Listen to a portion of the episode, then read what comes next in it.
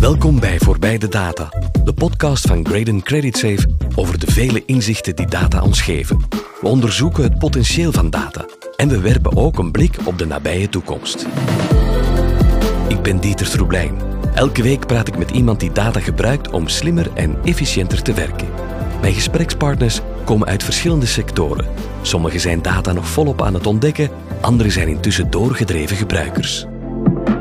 Ik mag in gesprek met Peter Vermeijlen, Chief Information Officer van het Universitair Ziekenhuis Antwerpen. Het ziekenhuis gebruikt data onder andere om de zorg voor patiënten te verbeteren en zelfs hun levens te redden.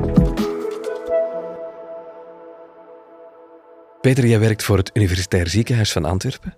Eh, Jij bent geen arts, nog verpleger, maar een Chief Information Officer. Ja. Hoe ben je daar terechtgekomen? En dan heb ik het zowel over die job als over het Universitair Ziekenhuis. Ja. Ik ben eigenlijk vroeg in mijn carrière in IT gestart. Ik heb verschillende rollen binnen een IT-departement eh, opgenomen, van analist. Eh, ik heb niet geprogrammeerd, projecten gedaan en zo verder.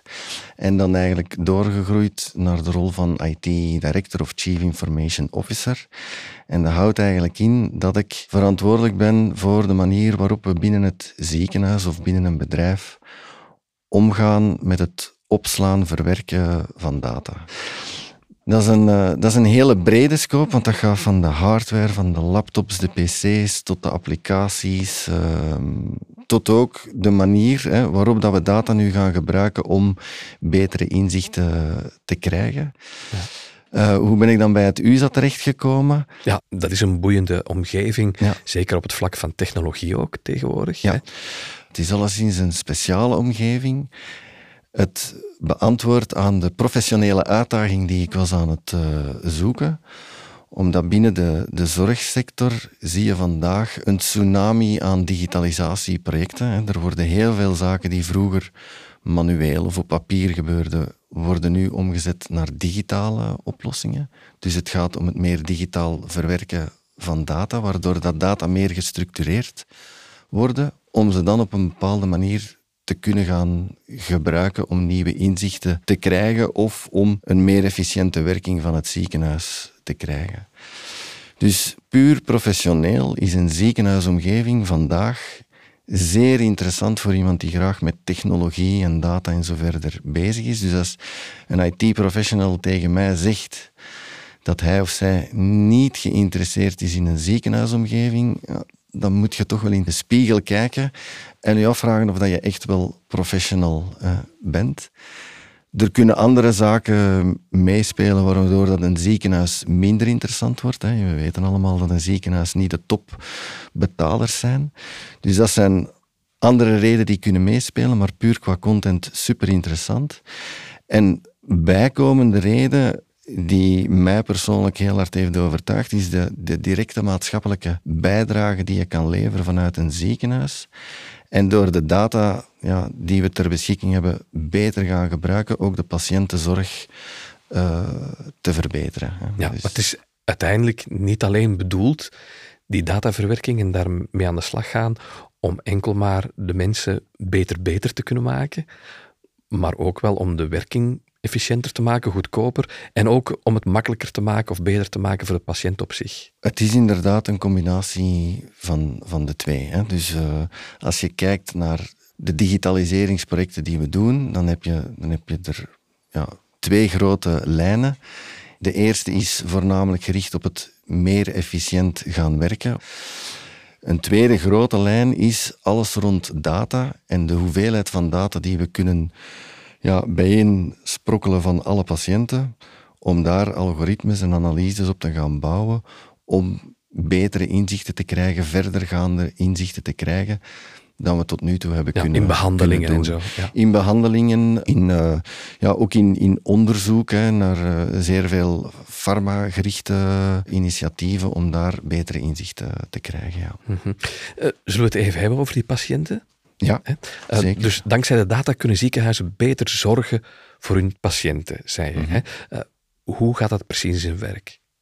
Het is uiteraard, hè, zoals ik zei, uiteenlopend. Je kan de zorg verbeteren door efficiëntie voor het personeel te creëren, waardoor dat er meer tijd vrijkomt om met de patiënt bezig te zijn. Maar het kan ook een manier zijn om nieuwe inzichten te krijgen in therapieën.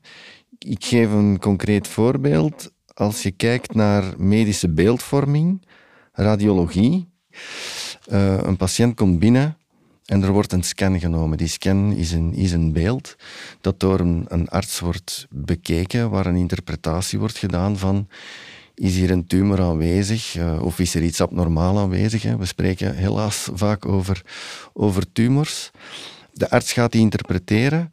Een aantal weken later ziet die arts uh, die patiënt terug. De tumor is veranderd. Maar de inschatting die een arts gaat doen, is altijd subjectief. Terwijl de algoritmes, die digitale tools die we vandaag hebben, die zijn in staat om op de millimeter na te gaan berekenen hoe dat zo'n tumor evolueert. En dus een veel objectievere inschatting te maken, waardoor het voor de arts dan weer, want het is altijd in ondersteuning van de arts, dan ook weer makkelijker wordt om de agressiviteit van bepaalde ziektes te, in te schatten, om de evolutie uh, in te schatten, om dan de behandeling daarop te gaan, te gaan afstemmen. Omdat zijn, het aanbod van zijn gegevens, van zijn objectieve data, is groter dan voorheen. Klopt. Waardoor hij een betere analyse kan maken. Klopt. Daarnaast helpen de tools ook om een bepaalde prioriteit te geven aan patiënten. Hè. Iemand die, die nieuw binnenkomt hè, en waarbij een tumor of iets abnormaal wordt vastgesteld, die zal in de werklijsten die de artsen ter beschikking krijgen, meer prioriteit krijgen, dus meer naar boven geduwd worden, waardoor dat hij eerst behandeld wordt en de nodige aandacht krijgt ten opzichte van iemand die voor een routinесcan uh, binnenkomt en, en waar niks abnormaal is op te zien, dat moet uiteraard ook behandeld worden en afgetekend worden door de arts, maar daar moet minder urgent actie ja. op genomen worden. We spreken over artificial intelligence. Mhm. op dat moment, dat heeft al een hele tijd zijn intrede gedaan in de ziekenhuis, in de zorg in het algemeen. Eh, kan het ook nog een stap verder gaan? Kan uh, eh, AI op basis van de verzamelde data inschatten wat de behandeling voor die specifieke patiënt moet zijn? Dus niet alleen maar aanreiken, maar maar het echt het concept helemaal uitwerken. Eh, op basis van data ga je een bepaald ziektebeeld vaststellen. Hè, en daardoor kan je een bepaalde behandeling gaan opstarten.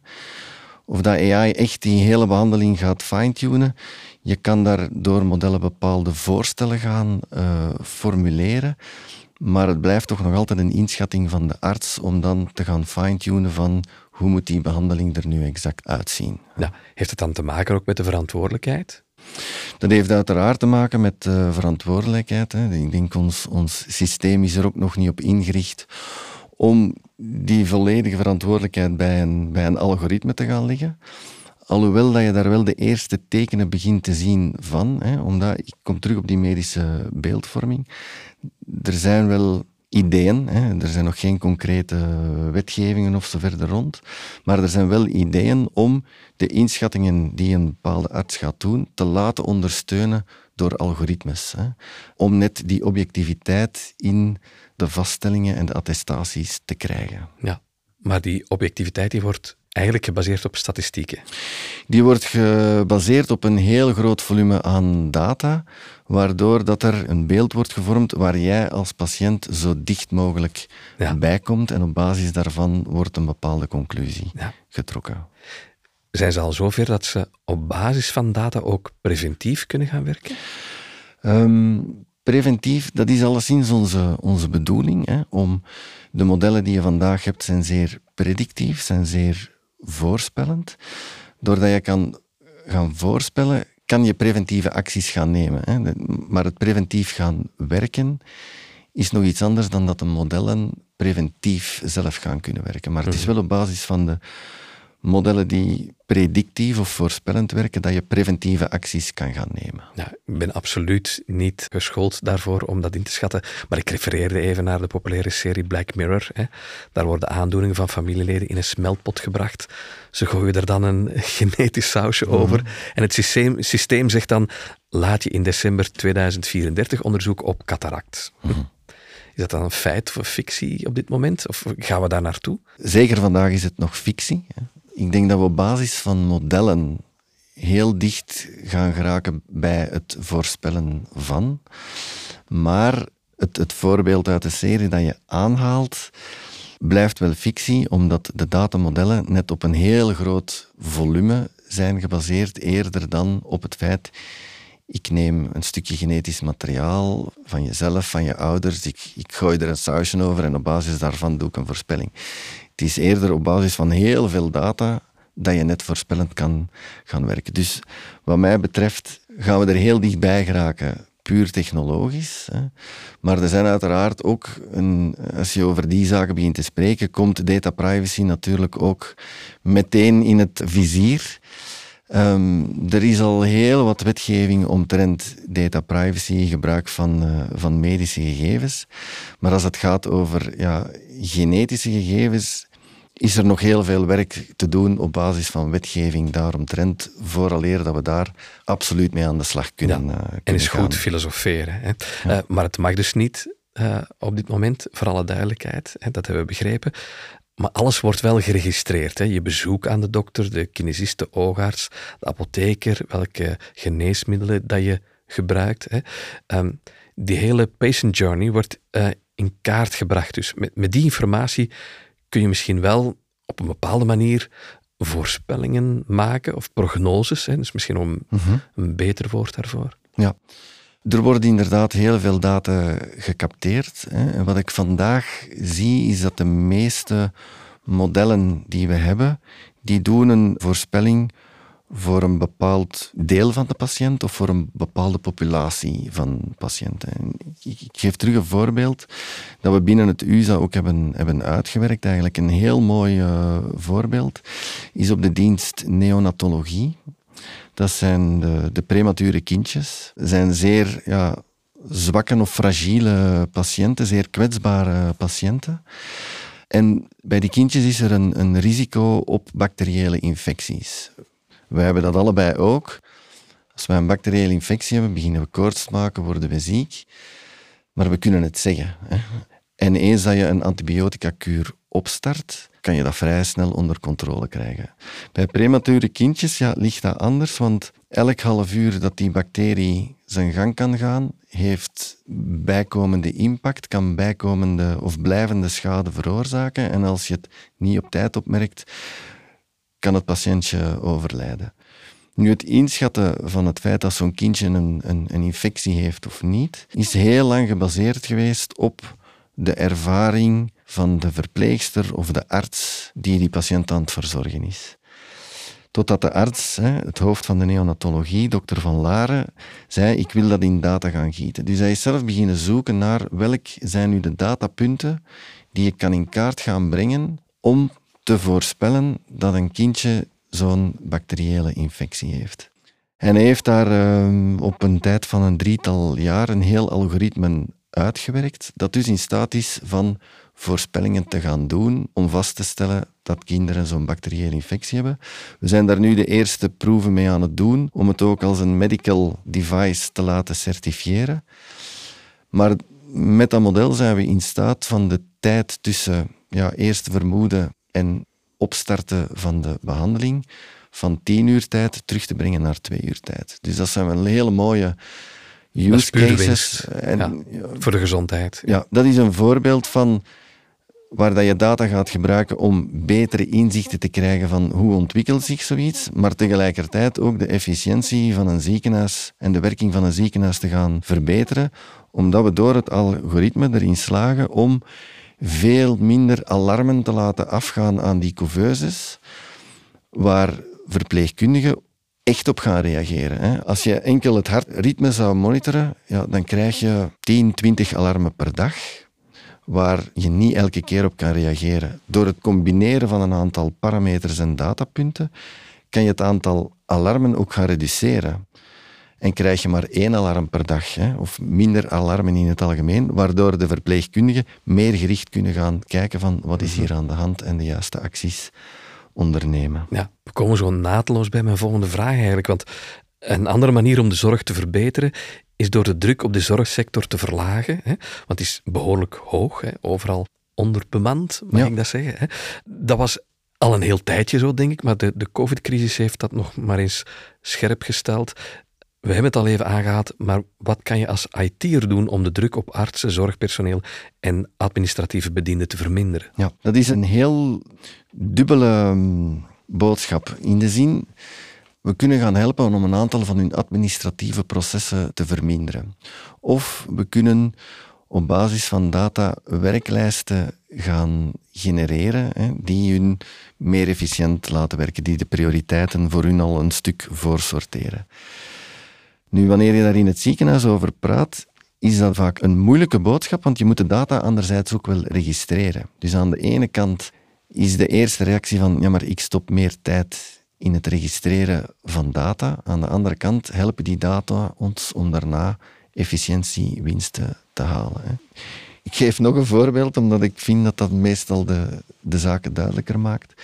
Wanneer je in het ziekenhuis binnen moet voor een operatie, in het operatiekwartier, dan is het de chirurg die u gaat opereren, die beslist of dat je, vooraleer de operatie plaats heeft, nog een afspraak moet hebben met de, met de anesthesist naast het feit dat het soms voor de chirurg moeilijker is om in te schatten, moet deze patiënt door de anesthesist gezien worden, betekent het dat anesthesisten soms patiënten zien die ze niet zouden moeten zien, maar anderzijds soms patiënten niet zien die ze eigenlijk op voorhand hadden willen screenen.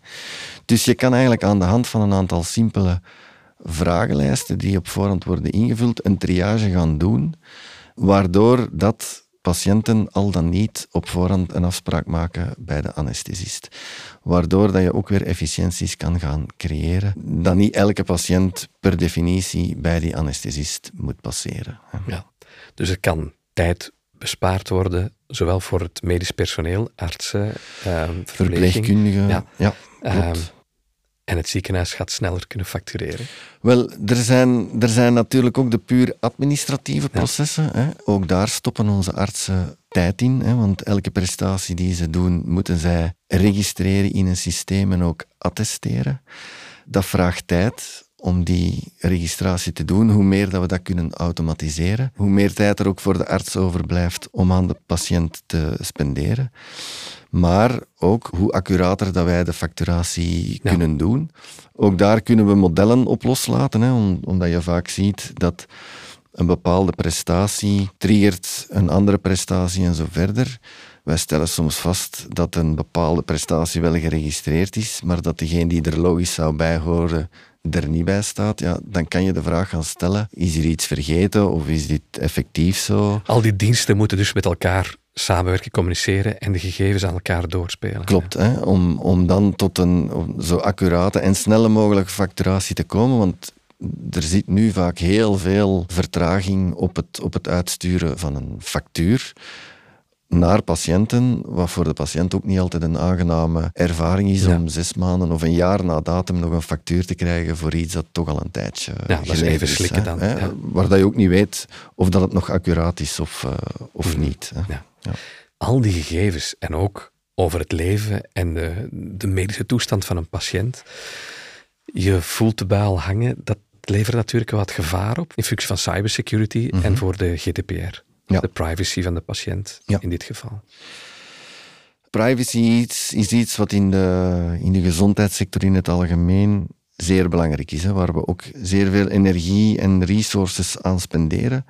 Want we verzamelen wel effectief veel data van patiënten in databanken. Hè. Nu, al die data blijven binnen de ziekenhuismuren, zolang je ze kan identificeren aan een specifieke patiënt. We proberen die data wel op gepseudonymiseerde of geanonimiseerde basis te delen met andere ziekenhuizen, omdat het volume van data, als je gaat combineren tussen ziekenhuizen of organisaties in het algemeen, wel toelaat van de algoritmes en zo verder beter te gaan trainen dan wanneer je dat enkel binnen de muren van je eigen ziekenhuis doet. Maar uiteraard altijd in acht nemende de regels die er rond data privacy bestaan, waar ik toch moet zeggen dat we dan in Europa veel strenger zijn dan in een aantal andere delen van de wereld. Ja, maar misschien ook goed. Maar zeker ten goede van de patiënt. Hè. Ik, ik, ik, denk dat het soms wat zoeken is naar oplossingen om mhm. technologisch dan vooruit te kunnen gaan. Maar we doen het altijd wel binnen de context van een data privacy veilige omgeving. Ja, al die data verzamelen, en dat begrijp ik echt, dat jullie daar de oplossingen hebben gevonden om het anoniem te verspreiden, die moeten natuurlijk binnen dezelfde format gedeeld worden. Ja. Want anders heeft het geen zin om ze te vergelijken. En dat is inderdaad, denk ik, een grotere uitdaging hè, mhm. dan puur het privacy-stuk. Hè. Over het privacy-stuk is ook al zeer veel wetgeving of regelgeving die je, die je kan, die je moet volgen, maar die je ook kan volgen. Wanneer het gaat over standaarden, dan zie je vandaag dat er heel veel standaarden aan het ontstaan zijn om data op een vergelijkbare manier te kunnen samenbrengen. Maar als ik je zeg dat er een bepaalde standaard SNOMED, en de naam doet er niet toe, maar dat die spreekt over 300.000 verschillende datatypes, en je beeldt u dan in dat een arts daar een, een, een, selectie moet gaan van maken en zien dat we elk, symptoom op dezelfde manier gaan kwalificeren of kwantificeren, ja, dan is daar nog wel een hele uitdaging uh, die er voor ons ligt om ervoor te zorgen dat we die data op een uniforme manier kunnen gaan samenbrengen en delen met elkaar. Hè. We hebben het eigenlijk al over twee aspecten gehad. Dat die data worden gebruikt voor de zorg zelf, als ook voor de organisatie van de zorg. Naar onderwijs toe, naar opleiding van nieuwe mensen. Ja. Kan dat natuurlijk ook helpen. En daar zijn jullie ook actief mee bezig, had ik begrepen. Wel, uh, we zijn een universitair ziekenhuis. Hè, dus we hebben, we hebben drie grote taken. Dat is patiëntenzorg. Maar als universitair ziekenhuis proberen we ja, een doorverwijs ziekenhuis te zijn. Dus de moeilijkere en complexere gevallen tweede deel is onderzoek, uh, ontwikkeling. En het derde deel is opleiding van artsen, verpleegkundige mensen in de zorg. En uiteraard spelen ook daar data een belangrijke rol, want uh, over hoe meer kennis je beschikt en hoe beter je die kan gaan ja, transparant en vatbaar maken, hoe betere opleidingen dat we ook aan onze zorgverstrekkers kunnen bieden. Ja, dat is eigenlijk iets voor de toekomst. Mhm. Mensen opleiden, zorgen dat dat veilig gesteld is, dat er opnieuw en weer mensen met nog betere opleidingen, nog betere kennis aan de start verschijnen. Maar als we echt over toekomstdromen spreken, dan moet ik toch terugkomen op die AI. Mhm. Wat zijn de prognoses van iemand als u binnen die sector? AI gaat ons toelaten van modellen te maken waardoor we betere inzichten krijgen in de behandeling van patiënten ook in de manier waarop een ziekenhuis werkt en het eigenlijk bijna één op één digitaal in kaart te gaan brengen.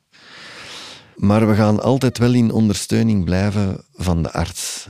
De modellen die we bouwen zijn nu eenmaal gebaseerd op data, historische data, en zijn in mijn opinie altijd ter ondersteuning van de arts. En ik vind dat op zich een geruststellende gedachte dat er nog altijd een arts is die naar mij als patiënt zal kijken, die wel ondersteund wordt door technologie, maar waar het niet een, een blind algoritme is dat over mijn toekomst als patiënt zal, uh, zal beslissen. Maar er gebeuren al wel operaties door robots, zal ik maar zeggen, die voor een deel aangestuurd en gecontroleerd worden. Ja, Robots kunnen uiteraard helpen om de accuraatheid van bepaalde bewegingen te gaan bijsturen, zodanig dat je zo optimaal mogelijk de, de chirurgische ingrepen gaat uitvoeren. Maar dat is nog een hele andere tak van sport natuurlijk, mhm. dan, uh, dan, het, dan het puur gaan benutten van, van data. En daar zie je ook dat er gespecialiseerde ja, firma's ontstaan die daar eigenlijk gaan op werken om die algoritmes um, zo optimaal mogelijk te maken. Net zoals dat je ziet in de medische beeldvorming, dat bedrijven daar ook echt inzetten op hoe kunnen we die algoritmes gaan kweken, gaan trainen om op basis van de beelden zoveel mogelijk kennis en toegevoegde waarde te gaan bieden in ondersteuning van de artsen. Ja, maar we zijn wel bijna zover dat de computer je symptomen analyseert en behandelingen kan voorschrijven. Ik dacht zelfs dat er een website al bestond, nog niet wat het voorschrijven betreft, maar waar je eigenlijk uh, voordat je naar de dokter gaat, toch al even kan kijken waarvoor ga ik naar de dokter gaan? Dat is natuurlijk dokter Google, die is, ehm, die is prominent aanwezig. Hè. Mhm. Ik denk dat iedereen dat tegenwoordig doet als je bepaalde, bepaalde symptomen hebt, van eens op Google te gaan uh, ja. Ik, ik heb een vrouw die dat voor mij regelt. Ja. Ja, En ik ga, ik ga meestal naar de dokter en ik zeg, mijn vrouw zegt dat ik dat heb, maar ik kom voor een tweede opinie.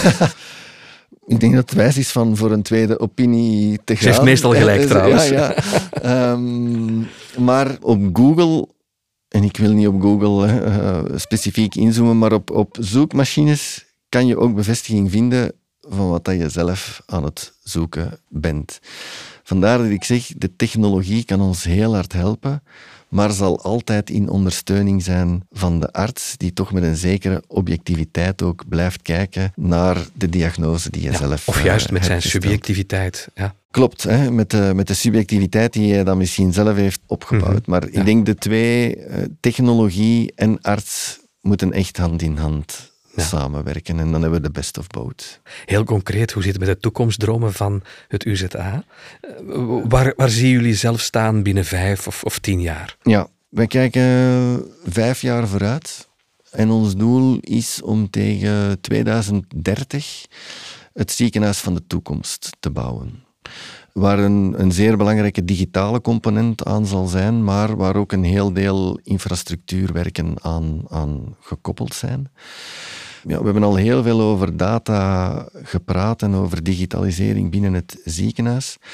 Maar een van de belangrijke pijlers die we daar ook zien, of waar we op inzetten als ziekenhuis, is het virtuele ziekenhuis. En wat is een virtuele ziekenhuis? Een virtueel ziekenhuis heeft als doel om de patiënt zo lang mogelijk thuis te houden. En om ervoor te zorgen dat die patiënt geen onnodige verplaatsingen moet doen. Dat houdt anderzijds wel in dat je die patiënt van op een afstand moet gaan monitoren met wearables, waardoor dat je bepaalde parameters kan opvolgen. Maar waar je ook met die patiënt in contact wil blijven, om op te volgen hoe hij of zij zich voelt, aan de hand van dagboeken, vragenlijsten en zo verder. Om ook videocalls met die patiënt te doen, hè, omdat studies hebben uitgewezen dat het, het succes van dergelijke initiatieven staat en valt met uh, hoe betrokken voelt de patiënt zich nog? Hè? Word ik echt opgevolgd door, door een persoon of ben ik ergens een nummer op een lijstje op een scherm? Dus het is de technologie die er ook ondersteunend moet werken om dat contact te kunnen houden. Maar je gaat daar terug heel veel data bij elkaar halen om die patiënt op te volgen en op het moment dat het nodig is, ja, de patiënt toch naar het ziekenhuis te kunnen brengen om dan een behandeling uh, op te starten. Dus het virtueel ziekenhuis is iets waar dat we heel hard op inzetten. Daarnaast werken we aan ja, het verdere verzamelen van data. We spreken vaak over een data lake, maar een data lake is niet meer of minder dan één grote bron waar we alle data die uit de verschillende systemen van het ziekenhuis komen in verzamelen, om op basis daarvan dan bepaalde analyses te kunnen doen, om algoritmes te kunnen trainen en zo verder. En een ander initiatief waar we als het USA heel hard op willen inzetten, is de Antwerp Health Harbor. En dat is wel iets uh, uniek voor, voor België zeker, maar zelfs in Europa zou ik zeggen, omdat we daar een initiatief nemen waar we voor de, de eerste keer data van verschillende zorgverstrekkers willen gaan samenbrengen. Dus we kijken niet alleen naar de data van het, van het ziekenhuis, maar we gaan ook in gesprek met eerste lijnszorg, met, met, met CLB's, met overheden en zo verder, om data te gaan samenbrengen om daar dan innovatieve use cases op te bouwen. En een eerste use case waar we nu aan het werken zijn, gaat rond de voedingsproblematiek van jongeren. Wat we vaak zien is dat jongeren die iets ouder zijn dan 12 jaar met een, een problematiek van ondervoeding of overvoeding naar het ziekenhuis komen, maar eigenlijk op een moment dat het al te laat is. We zijn dus nu eh, aan het werken met CLB's, met eh, kind en gezin, met de stad Antwerpen, het USA, de universiteit doet er ook mee en nog een aantal andere ziekenhuizen in de Antwerpse regio, om data van kinderen tussen 0 en 12 jaar in kaart te gaan brengen. Ehm, en op zich zijn die datapunten niet spectaculair moeilijk, want het gaat over leeftijd, het gaat over gewicht, het gaat over lengte, dat je gaat uitzetten in de tijd. En op basis van de curves die je dan volgt, kan je vrij rap gaan identificeren of dat er een, een problematiek aan het opbouwen is van ondervoeding of overvoeding. Of verkeerde voeding. Verkeerde voeding, maar je kan gaan zien, hier is iets, hier is iets Mhm. mis. Waardoor dat we dan preventieve acties kunnen gaan nemen wanneer we zien dat het zich in bepaalde regio's meer of minder voordoet. In bepaalde leeftijdscategorieën weet ik veel, maar dat we preventieve acties kunnen gaan nemen. Op zich is dat qua puur datapunten en, en algoritmes niks spectaculair, maar de, de uitdaging of de opportuniteit in dit project ligt net in het feit dat we data van verschillende partijen gaan samenwerken, die vandaag heel versnipperd zit en eigenlijk voornamelijk in de boekjes van kind en gezin van de, van de mama's en de papa's die het bijhouden, ehm, waar we die nu op één dataplatform willen gaan, gaan samenbrengen. Ja.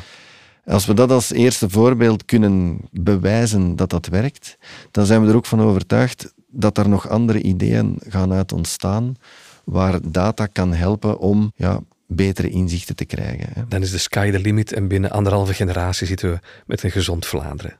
Dat is de, dat is de ambitie en daar, zetten we, daar zetten we volop op in. Ja. Dat zijn mooie plannen, Peter. Eh, We wensen je alvast heel veel succes met het uitrollen daarvan. Dank u wel.